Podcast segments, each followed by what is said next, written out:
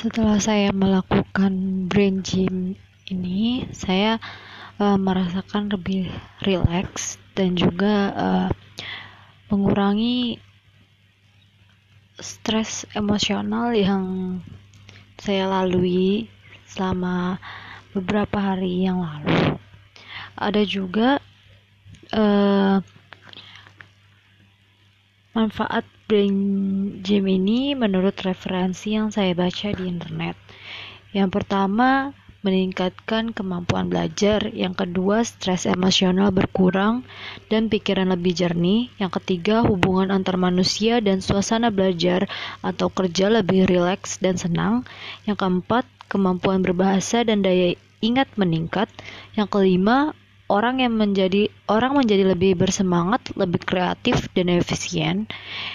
Yang keenam, orang merasa lebih sehat karena stres berkurang dan yang ketujuh, prestasi belajar dan bekerja meningkat.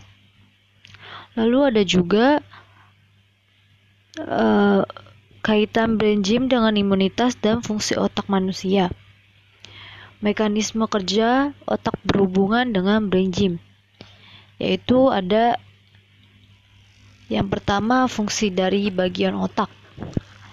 Mereka me mereka memiliki fungsi dan peranan penting sehingga fungsinya saling terkait satu sama lain. Yang pertama, otak besar atau cerebrum.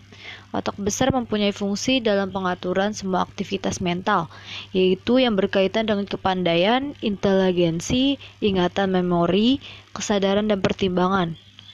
Pada bagian ini terdapat dua belahan, kiri dan kanan, atau yang sering diistilahkan dengan otak kanan dan kiri. Otak belahan kanan mengendalikan bagian tubuh sebelah kiri, sedangkan otak kiri sebaliknya. Otak kiri berhubungan dengan kata-kata, logika, angka, urutan, linearitas, analisis, dan daftar.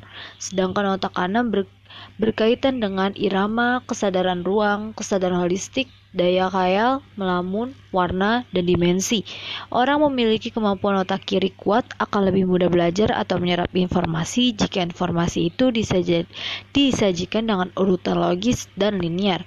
Sedangkan orang yang yang didominasi otak kanan akan lebih mudah belajar atau menyerap informasi jika diberikan gambaran keseluruhannya dulu.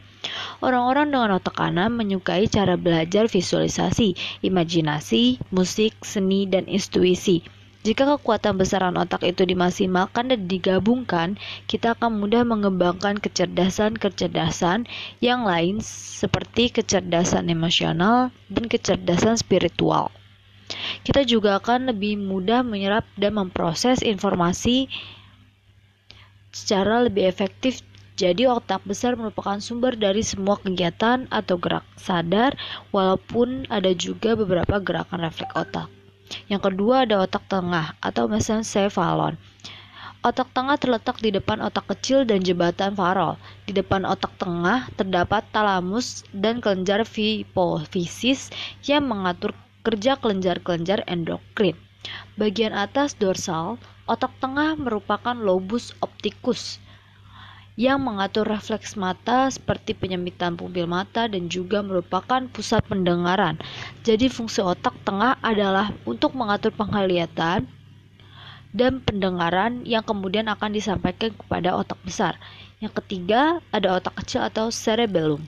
Cerebellum mempunyai fungsi utama mengkoordinasi gerakan otot-otot yang terjadi secara sadar, keseimbangan, dan posisi tubuh. Bila ada gerakan yang berbahaya, maka akan terjadi gerakan refleks dan gangguan sadar tidak mungkin dilakukan. Yang keempat, ada jembatan farol. Jembatan farol berisi serabu saraf yang menghubungkan otak kecil bagian kiri dan kanan, juga menghubungkan otak besar dan sumsum -sum tulang belakang. Jembatan Farol merupakan suatu jalan sel saraf untuk merespon baik itu secara sadar maupun tak sadar. Yang terakhir ada sumsum -sum sambung, medula oblongata. Sumsum -sum sambung berfungsi mengantar impuls yang datang dari medula spinalis menuju otak.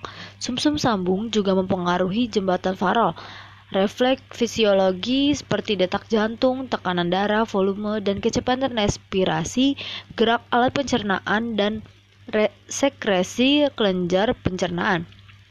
Sumsum -sum sambung juga mengatur gerak refleks lain seperti bersin, batuk, dan berkedip. Bagian-bagian otak akan saling berhubungan dengan dibantu dengan sel-sel saraf otak yang di mana sel-sel saraf akan membantu suatu sirkuit yang kompleks dan lebih kompleks dari sirkuit komputer yang paling canggih. Mekanisme kerja otak sangatlah kompleks dan saling berhubung. Jika salah satu bagian otak tidak optimal, maka tingkat kecerdasan akan sangat berkurang.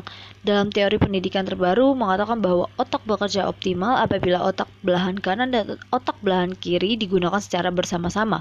Jadi fungsi otak besar yang berfungsi untuk gerakan secara sadar harus dioptimalkan fungsinya semaksimal mungkin.